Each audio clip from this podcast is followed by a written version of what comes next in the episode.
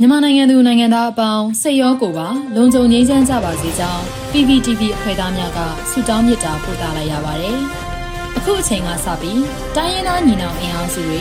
ပြည်သူ့ကာကွယ်ရေးတပ်မတော် PDF တပ်သားတွေနဲ့ပြည်သူလူထုတို့ရဲ့အရှိန်အဟုန်မြင့်လာတဲ့တိုက်ပွဲသတင်းတွေကိုစူးစီးတင်ဆက်ပေးသွားမှာဖြစ်ပါတယ်။ကျွန်မຫນွေဦးလင်းအိမ်ပါ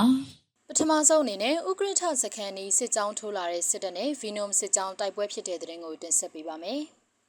ကရင်ပြည်နယ်မြဝတီမြို့တောင်ပိုင်းဥက္ကဋ္ဌစခန်းနီရွှေအေးမြိုင်ကျေးရွာဘက်သို့စစ်ကြောင်းထိုးလာတဲ့အကြမ်းဖက်စစ်တပ်နဲ့စစ်ကြောင်းမှုစောဝင်းမြင့်ဦးဆောင်တဲ့ဗီနုံစစ်ကြောင်းတို့ဟာယမန်နေ့ဇူလိုင်လ29ရက်မွန်းလွဲ3နာရီမှစတင်ကတိုက်ပွဲဖြစ်ပွားခဲ့ပြီးစစ်ကောင်စီဘက်မှထိခိုက်သူများပြနိုင်ကြောင်းဗီနုံစစ်ကြောင်းကသတင်းထုတ်ပြန်ပါတယ်။တိုက်ပွဲဟာ9နာရီဝန်းကျင်ကြာမြင့်ခဲ့ပြီးဗီနုံစစ်ကြောင်းမှရဲဘော်2ဦးမစိုးရိမ်တန်ရာရခဲ့ကြောင်းသိရှိရပါတယ်။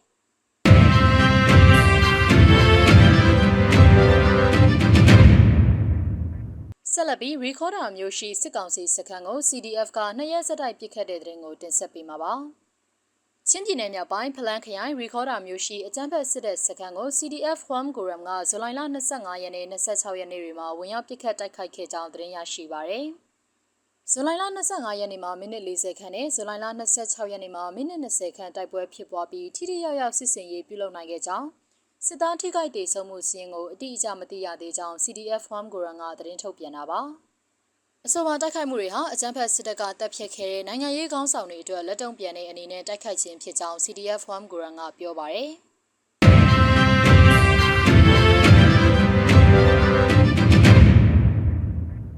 မြင်းမူရင်းစစ်တပ်စစ်ကြောင်းကို drone နဲ့ပုံကျဲတိုက်ခိုက်မှုမှာစစ်သား9ဦးသေဆုံးတဲ့တဲ့ရင်ကိုဆက်လက်တင်ဆက်ပေးပါမယ်။ စကိုင်းတိုင်းမြင်းမှုမြို့နယ်တွင်စစ်ကောင်စီစစ်ကြောင်းကိုဒေသကာကွယ်ရေးတပ်ဖွဲ့တွေကယမန်နေ့ဇူလိုင်လ28ရက်နေ့မှာစောင့်ကြိုပြီးဒရုန်းနဲ့ပုံကျဲတိုက်ခိုက်ခဲ့ရာစစ်သား9ဦးသေဆုံးပြီး18ဦးဒဏ်ရာရကြောင်းမြင်းချံခရိုင်တရင်ခွန်0ပျောက်ကြားတပ်ဖွဲ့ကသတင်းထုတ်ပြန်ပါတယ်။ယမန်နေ့ကမြင်းမှုမြို့နယ်မူမန္တလေးကျေးရွာကိုစစ်ကောင်စီကရဟတ်ရင်တွေနဲ့ပစ်ခတ်ပြီးမြေပြင်မှလည်းစစ်ကြောင်းထိုးခဲ့ကြောင်းအဆိုပါစစ်ကြောင်းမှာကံပြားကျေးရွာမှာပြန်လည်ဆုတ်ခွာစဉ်ကာကွယ်ရေးအဖွဲ့တွေကစောင့်ကြိုတိုက်ခိုက်ခဲ့ခြင်းဖြစ်ကြောင်းသိရှိရပါတယ်။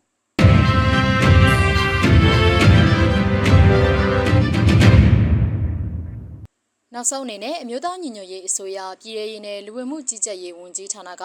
2022ခုဇူလိုင်လ28ရက်ရက်စွဲနဲ့ထုတ်ပြန်တဲ့ပြည်သူ့ခုခံတော်လှန်ရေးသတင်းအချက်အလက်တွေကိုတင်ဆက်ပေးသွားမှာပါ။အာနာသိန်းကျန်းဖက်စေအုပ်စုရဲ့ပြည်သူလူထုအပေါ်အကြမ်းဖက်ဖိနှိပ်ဖန်ဆီးတိုက်ခိုက်တပ်ဖြတ်နေမှုတွေကိုပြည်သူလူထုတရက်လုံးကအသက်ရှင်တန်ရေးအတွက်မိမိကိုယ်ကိုမိမိခုခံကာကွယ်ပိုင်ခွင့်အရာပြည်သူ့ခုခံစစ် People's Defensive War ကိုဆင်နွှဲလျက်ရှိပါတယ်။ သတင်းဆက်လက်များအရ28ရက်9လ2022ရက်နေ့မှာစစ်ကောင်စီတပ်ဖွဲ့ဝင်63ဦးသေဆုံးပြီးထိခိုက်ဒဏ်ရာရရှိသူ25ဦးအထိခုခံတိုက်ခိုက်နိုင်ခဲ့ပါတယ်။ဆီယနာရှင်စနစ်မြန်မာပြည်ပေါ်မှာအပိတိုင်ချုပ်ငြိမ်းရေးနဲ့ Federal Democracy တည်ဆောက်ရေးအတွက်ငြိမ်းချမ်းစွာဆန္ဒပြတဲ့လူလူသပိတ်တိုက်ပွဲများကပြည်내နဲ့တိုင်းဒေသကြီးများမှာဖြစ်ပွားပေါ်ပေါက်လျက်ရှိပါတယ်။မြေပြင်မှာယခုတွေ့ရတဲ့သတင်းအချက်အလက်များထက်ပို၍ဖြစ်ပွားနိုင်ပါတယ်ရှင်။